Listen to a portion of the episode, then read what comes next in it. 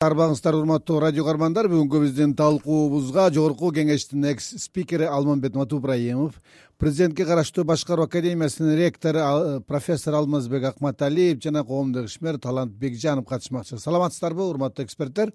Саламатсыздар. Урматтуу радио каармандар бүгүн биз э, бүгүнкү шартка байланыштуу эксперттер менен талкуубузду телефон аркылуу жүргүзмөкчүбүз. Э, менин биринчи суроом алмамбет мырза сизге да мындан эки жыл мурда мына жогоруда дагы кеп болду. Э, ош ысык көл облустарынын жетекчилерин дайындап жатканда андай ротациялык жол менен жетекчилерди кызматтарга коюу республиканын баардык э, жеринде уланат деп айтылды эле. Бирок ал тажрыйба эмне үчүн э, эмнегедир уланган жок токтоп калды да. Анын себебин сиз эмнеден көрдүңүз? Же бир утурумдуу эле бир акция беле эми бул жерден караганда кадр саясатында кеңирээк караш керек да. Бул жердеги ротация болобу башка жердеги болобу. Кыргызстандагы өсүп келеаткан тың мыкты кадрлардын баардыгы негизинен айылдан келип эми дээрлик айтканда интеллигенция биздики эми кийин эле болуп жаралып бишкек шаарына келе баштадык да баардыгыбыз. Кимисин карап көрбөсөңүз баардыгы негизинен келип бишкек шаарында иштеп же депутаттык болуп кызматта болуп андан кийин мамлекеттик кызматтарга көтөрүлүп барып кадр саясатында. Эми бул жерде ысык көл менен Э, ош областтыкын кадрын алмаштыруу жөнүндө ротация жөнүндө кабыл алынган андан кийин дагы карап көрөлү деп мүмкүн кадрлардын ротациясы кандай болуу жөнүндө дагы өзүнчө ойлор болуп атса керек. Бирок негизинен айтканда бул күч органдарында башка органдарды деле бул э, орун алмаштыруудан алмаштырып ал жердегине карабаш керек. Бирок мен ойлойт элем өзү кадр саясатында профессионалдардын баардыгын жег жаатына турган жерине жашаган жерине карабастан негизинен баардыгыбыз келип борбордон иштеп үйрөнүп үлгү алып кайрадан барып айылдагы иштеп жатабыз. Ошондуктан мен ойлойт элем профессионал кадрларды жердин биздин кулондо эместен кыргызстандын бүт областтарында райондорунда бүт баардык жетекчилерге карабастан туруп жашына кайсы жерден экенине улутуна карабастан туруп мамлекеттин кадр саясатын тандоо ошону даярдоо дайындоо деген нерсени жакшылап алып кетсек болот эле бирок тилекке каршы биз азыр айтып атабыз ошо кадр дайындоо деген бизде агенттик бар. Ал кимди дайындайт кандай болот эмне болот көп нерселер жетишпегендик болуп жатат. Ошондуктан мен ойлойт элем кадрды негизинен профессионалдарды жерине казбастан ротациясына карабастан иштөө жөндөмдүүлүгүнө уюштуруу мүмкүнчүлүгүнө ошол жолду алып кете турган тың ишти билген алдыга тарта ала турган реформаторлук жактары бар. Жакшы кишилерди дайындасак жакшы болмокпу рахмат э, алмаз мырза ушул сөздү улантып берсеңиз мына эки жыл мурда эле ушул эки э, облустун жетекчилери э, алмашып дейбизби ушундай ротациялык негизде ишти башташты эле. Ошол тажрыйба өзүнүн бир үзүрүн бердиби натыйжасын бердиби? Мен алмамбет матубраевич менен макул болот элем бул маселе боюнча. Себеби маселе жалгыз эле ротация менен э, мисалы түндүктөн түштүккө же түштүктөн түндүккө алып келип ошенткенден деле чечилбейт. Бирок баягы эми бир ыкма катары колдонсо болот. Мына бүгүнкү күндө э, мен өткөндө дагы айттым эле өзүмдүн фейсбуктагы баракчама да жаздым эле. Бүгүнкү күндө премьер министр мен жаңылбасам бир төрт жүз сексен адамды мамлекеттик кызматкерлерди жетекчилерди дайындайт жана бошотот.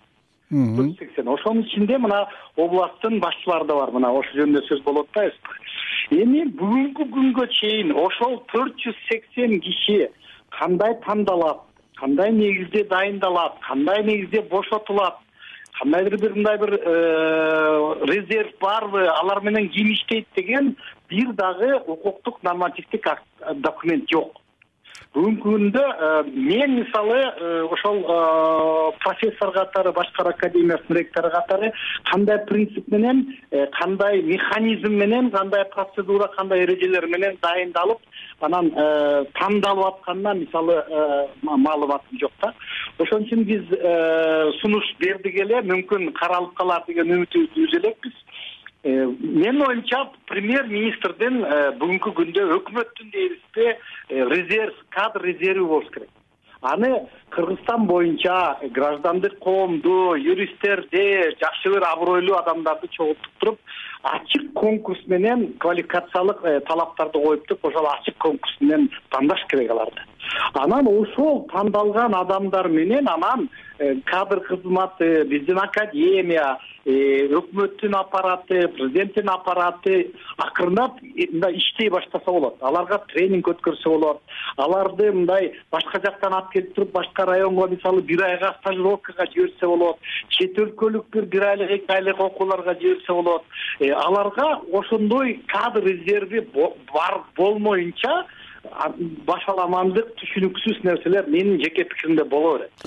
Ошон үчүн э, ошол резерв жөнүндө жобону биз даярдаганбыз э, сунуш бергенбиз. Эгер ошол өтүп кетсе анда кандайдыр бир бир өңчөй э, мындай кадр саясаты башталып калат деген менде үмүтүм бар мисалы алмамбет мырза дагы э, сөздү улантсак мына кечээ жакында э, ошо пандемияга байланыштуу оор шартта э, оор учурда эки вице премьер министр кызматына мамлекеттик кызматтагы бир күн дагы тажрыйбасы жок жогорку кеңештин депутаттары дайындалышы да бир топ талкууну жаратты да сиз айтсаңыз эмне үчүн э, бул депутаттык орун аткаруу бийлигине барчу мындай э, трамплин же болбосо секирип катары карашыбыз керекпи? Же болбосо же мында бир башка себептери барбы? Ошол депутаттык орун э, мамлекеттик кызматка барышына ушул жетиштүү болобу? Бул жагын айтканда депутаттык кызматта министрликтерди карап өкмөттүн үстүнөн контролдоо негизинде алардын ошондой укугу бар. Конституцияда жазылган бирок бизде айтып келгенде азыр карап көргөндө биздин конституциядагы көп нерселер туура эмес чечилип калган. Ошол жердеги туңгуюкка капталып атабыз азыр биз себеби биздин бийликтин үч бутагы гана иштеш керек. Бизде үч бийликтин бутагы эмес төрт бутак болуп калып атат. Ошондуктан аткаруу бийлигине биз алып келип мамлекеттик бириктире турган деп президент деп атабыз. Бирок конституцияга алып келип карасак негизги дайындоо өкмөттүн өкмөттүн составын курамын куруу анан аларды кызматка коюу эки кызматтан башкасы бүт жогорку кеңеште. Ошондуктан бизде азыр аткаруу бийлигине абдан чоң бийликтер берилген. Ал тургай ички тышкы саясатты дагы өкмөт алып барат. Азыр вертикалдык жактан дайындоо жактары дагы жакшы эле болуп калган. Булар ошол аткаруу бийликтин өкүлдөрүн областтарга райондун бийликтерин азыр аткаруу бийлиги дайындайт бул жагын айтканда жакшы эле болуп калган. Мына сиз айтып кеткен эки вице премьердин эми асанадиев жөнүндө айтсак банка системасында иштеп келген экен.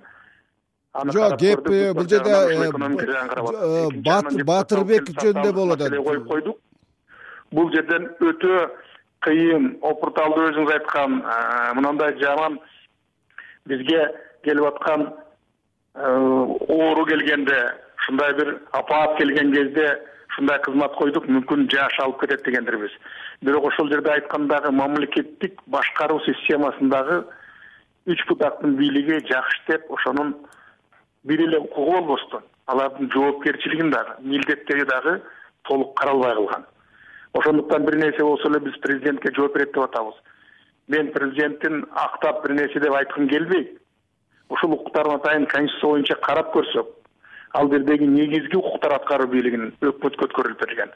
Ошондуктан бизде эми бул бийликти жакшылап карап көрүп жана кызматка койгондо экинчи жагынан дагы бизде бир жазылып калган конституциядагы статья бар ал жерден. Ошол бизге коалиция көпчүлүгүн түзүп келген партиялардын курамы андан кийин оппозиция болгон өзүнчө кызматтарды мамлекеттик кызматтарды бөлүштүрүп алган. Ошол жерге өздөрүнүн сөзсүз түрдө башка болбосун өзүбүздүкү коюлсун билбесе дагы деген максат менен ошолорду дайындоо жүргүзүп жатышат. Бул жерде чынын айтканда өкмөт башчысына толук мүмкүнчүлүк берип тандоого уруксат берсек андан кийин курамын карап чыгып ар бир министр вицени коюлуп аткандай ошол жогорку кеңештин ар бирин илгерки э, биздин биринчи парламенттик эгемендүүлүк болгондон баштап ар бир министрди вице премьерди бир күндөн эки күндөн сурап кандай иштей алат ошого э, өзгөртүүгө уюштурууга ошол милдетти алып кетүүгө колунан келеби деген көп талаптарды коюп койчу элек.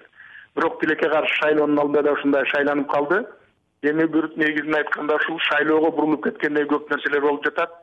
Ошондуктан мен ойлойт элем кадр дайындоого келгенде дагы эле келгенде кайсы партия шайлоодон утуп келсе ошол өкмөттүн курамын түзүп ошолор маселени чечип калды. Ошон үчүн аткаруу бийлигин карап көргөндө эгер аткаруу бийлигинде вертикаль болуп бүт экономикалык саясий социалдык маселени алып кетпесе анда биз эч качан оңоло албайбыз ошондуктан ал жерде баардыгын айтып келгендей эле профессионал кадрларды жашына карабастан опытуна карап андан кийин улутуна карабастан э, эркек аял дебестен ушул аткарып кете турган кишилерди коюп биз алып кетсек жакшы болот эле деген ойдо кадрлар баардыгы чечет дегендей кадрлар гана чечет. Э, рахмат эми ошол апааттан кийин мен ойлоймун катуураак көп нерсени тааныдык билдик иш билгил кишилерди иштеп кете турган алып кете турган кишилерди койсок жакшы болмок жерине карабастан.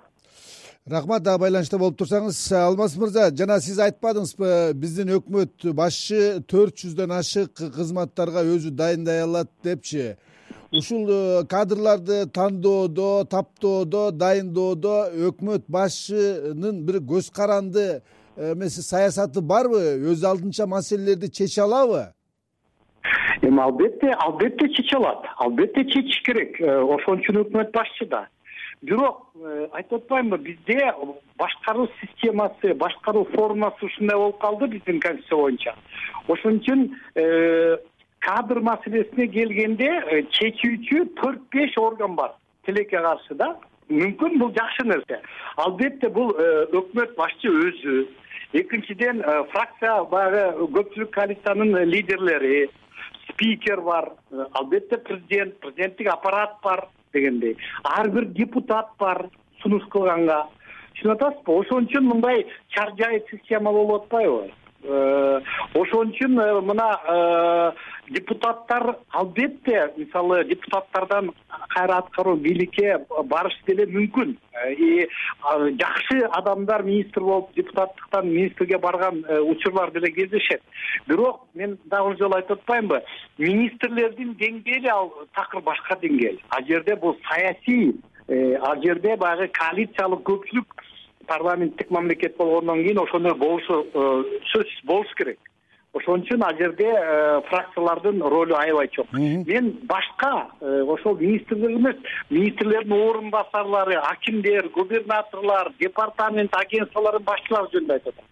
Райондун акимдери орун басарлары ошонун баарын санап көрсөк төрт жүз сексенден ашык адамды бүгүн э, премьер министр дайындап жана бошотот экен бирок система жок болуп атпайбы ал киши менин оюмча ким келсе дагы өкмөт ошондой системаны түзүп алыш керек. Ошондо түзүп алганда күчтүү кадрлар келиши мүмкүн. Азыр мен айтып атпаймынбы кандай принцип менен тандалып атат мага түшүнүксүз мисалы мен премьер бүгүнкү күндө дайындаган кадрдын баары эле начар деп айткым келбейт бирок кандай принцип менен? Чын эле күчтүүлөр келип атабы деген суроого мен эмес менин оюмча эч ким буга жооп бере албайт. Алмаз мырза ушул сөзүңүздү уланталычы сиз кандай принцип же болбосо өкмөттүн көз карандылыгы өз алдынча чече алат деп атпайсызбы?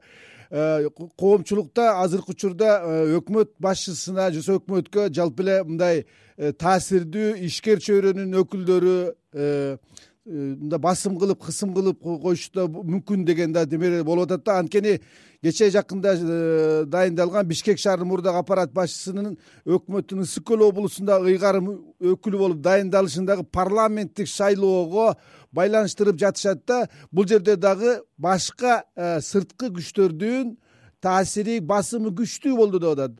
Ушундай маанай ушундай кырдаал барбы өзү мен э, менин жеке гана пикиримди айта алам албетте. Ооба. Э, ал чындыкка жакындайбы жокпу аны мен айта албайм.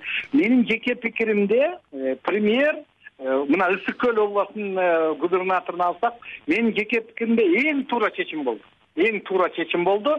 Анан эми бул муну байлабаш керек шайлоогочу менин жеке пикиримде. Мындайда негизи эле административдик ресурсту биз өтө эле көбүрөөк баалап жүрөбүз да мисалы мен башыман акимдик өткөн губернатордун орун басары болгом жыйырма күн болсо дагы губернатор болгом мисалы э?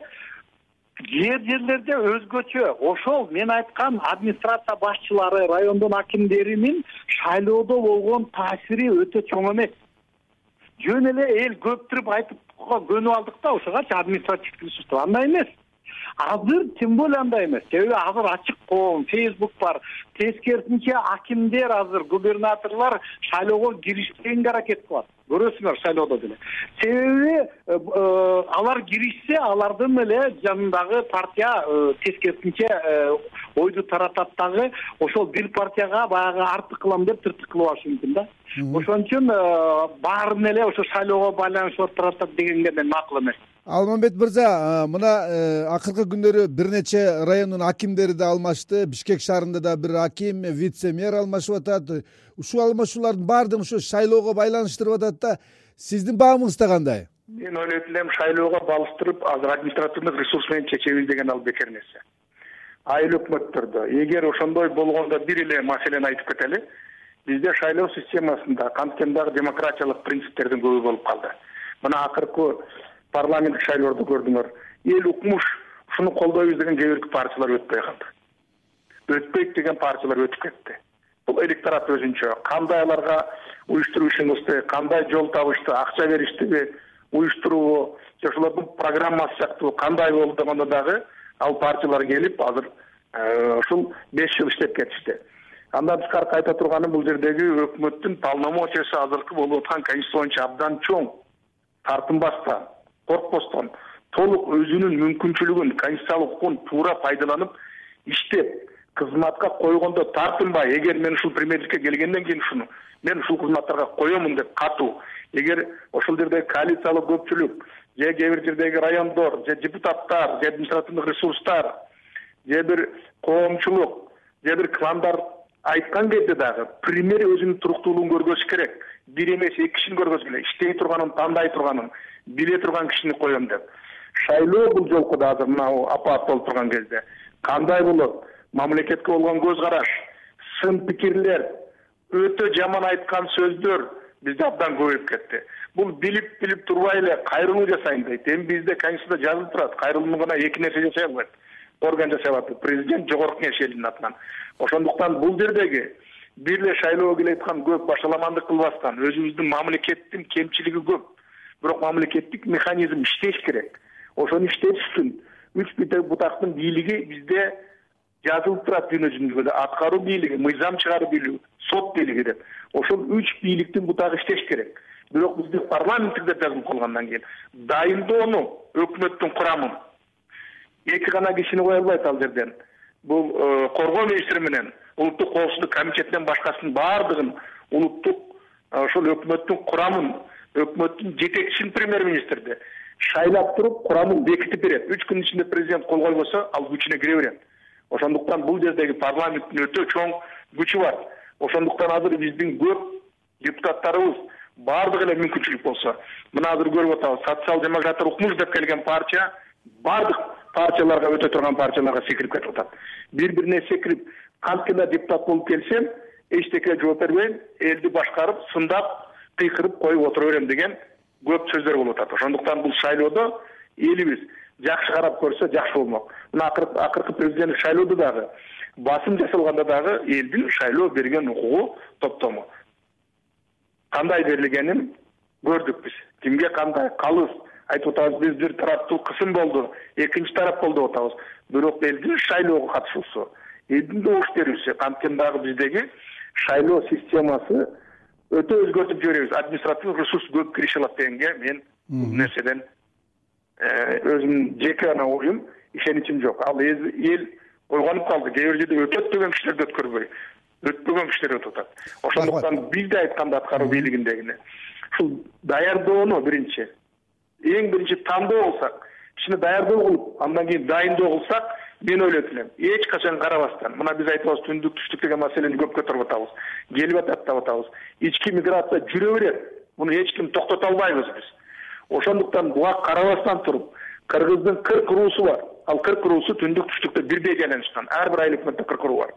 Ошондуктан кыргыздын келечегин алып келеаткан илгертеден курултай системасында кыргызды кыргыз кылып сактап келеаткан уруучулук бар ошондуктан мен айттым бул жерден жаңылбастан. Аны туура колдонуп шайлоого барып атканда ошол жердеги бир уруу бере албайт. Ошондуктан жалпы коомчулук чечип ким татыктуу болсо ошого берип жатат. Мен ойлойт элем бул. Шайлоо системасына келип эле атайын дайындоо болгондо бүгүн эле акимдин ушунчалык административдик рычагы бар деп эч качан айта албайм. Керек болсо азыр биз ушунчалык э, бул э, өкмөттүн өкүлүн областтардагы райондун жетекчилерин ушунчалык чабаал кылып койдук. Эч кандай бийлиги жок. Бирөөнү кое албаса дайындай албаса башкара албаса материалдык моралдык акчалай финансылык ресурстар болбосо аларга да иштөө өтө кыйын. Ошондуктан муну туура түшүнүп биз өзү мамлекеттик башкаруу системасын бир жөнгө ырааттуу башкарууга алып келишибиз керек. Ушул сөздү улантсак алмаз мырза ушул ырааттуу саясат туруктуу кадр э, саясаты деп кеп болуп атпайбы? Канткенде биз ошого жетише алабыз болбосо бийликтин бутактарынын ортосунда бири бирине кийлигишүү бири бирине басым жасоо деген дагы э, кептер айтылып калат да. Канткенде биз ар ким өз ишин жасаган өзүнүн э, ыйгарым укуктарын чегинен ашпаган деңгээлге жете алабыз? Э, мен муну көп эле айтып жүрөм көп эле жазып да жүрөм пока биздин азыркы аралаш парламенттик президенттик система иштегенде эч качан мындай ачыктык болбойт эч качан ар ким өзүнүн иши менен алектенбейт. Бул мүмкүн эмес. Ошон үчүн биринчи кадам катары эл референдумга чыгартуу чечиш керек. Толук президенттик э, правленияга өтсөк анда эл шайлаган президент премьери жок эле э, өзүнүн командасы менен келип туруп элдин атынан өкмөттү да башкарып анан бүт баарын өзүнүн колуна алыш керек. Же болбосо толук э, парламенттик системага өтсөк анда президентти эл эмес парламент шайлаш керек дагы анда жеңген партиянын лидери премьер министр болуп президент жок эле ошондой система экөөнүн бирөөнү тандамайынча мындай башаламандык мындай жоопкерсиздик биринин э, талаасына экинчи э, бийлик бутагы аралаша берген нерсени биз э, көрө беребиз ошон үчүн мен муну какшап эле келатам принципиалдуу чоң жанагы конституциялык реформаны жасап туруп анан келмейинче эч качан мындай жакшы башкаруу болбойт. Мисалы толук президенттик шайлоого формага өтсөк анда президент шайлоого бараткан президент анда өзүнүн командасын ага чейин уже формировать этет асанов менин финансы министрим болот үсөнов менин билим министрим болот деп туруп алар президент менен кошо дебаттарга катышат э, кагылат согулат э, аргументтери пайда болот анан ошондо программа пайда болот. Азыр болсо үч партия төрт партиянын төрт башка программасы анан алар кантип э, бир өкмөткө чогулуп алып иштей атканына мен таң калам да бул мүмкүн эмес ошон үчүн менин жеке пикиримде калп эле парламентаризм деген оюнду ойногонду токтотуш керек. Бул жөн эле элди алдоо менин жеке пикиримде. Ошол системаны түгөтмөйүнчө бүтүрмөйүнчө э, кадрлык башаламан боло берет жок сиздин айтып аткан сунуш пикирлериңизди э, чечим кабыл алып жаткан чыгарып жаткан бийлик органдары угуп атабы мисалы үчүн эсептешип атабы же кандай кабыл алып атышат өзү жалпы коомчулук. эми бул бул суроо мага эмес. Бул суроо мага эмес. Мен өзүмдүн атуулдук профессорлук саясат таануучулук Э, вазифамды аткарып атам жазып атам айтып атам өзүмдүн пикиримди билдирип атам. Аны чечүү конституцияга өзгөртүү киргизчү азыр референдуму жок эле керек болсо жогорку кеңеш азыр э, э, сентябрь айынан баштап конституцияны өзгөрткөнгө толук укугу бар. Рахмат рахмат. мораторий бүттү рахмат. Ошон үчүн мен бир жолу айтам айтып атпаймынбы бир өңчөй болмоюнча ушинтип эле бири бирине шылтамай бири бирине ийкемей э, көмүскө рахмат убактыбыз бүтүп калды. чечимдер боло берет. Рахмат урматтуу радио көрөрмандар бүгүн биз эки жыл мурда башталган ротациялык дайындоолор эмне үчүн токтоп калды. Депутаттын өкмөттүк мүчөлүгүнө алып келүү тажрыйбасы өзүн актадыбы. Жана башка кыргызстандагы кадрлык дайындоолордун тегерегинде кеп кылдык. Бүгүн биздин талкуубузга жогорку кеңештин экс спикери алмамбет матубраимов президентке караштуу башкаруу академиясынын ректору профессор алмазбек э, акматалиев. Катышты берүүнү мен бакыт орунбеков алып бардым кайрадан эфирден жолукканча аман болуңуздар. Оорубаңыздар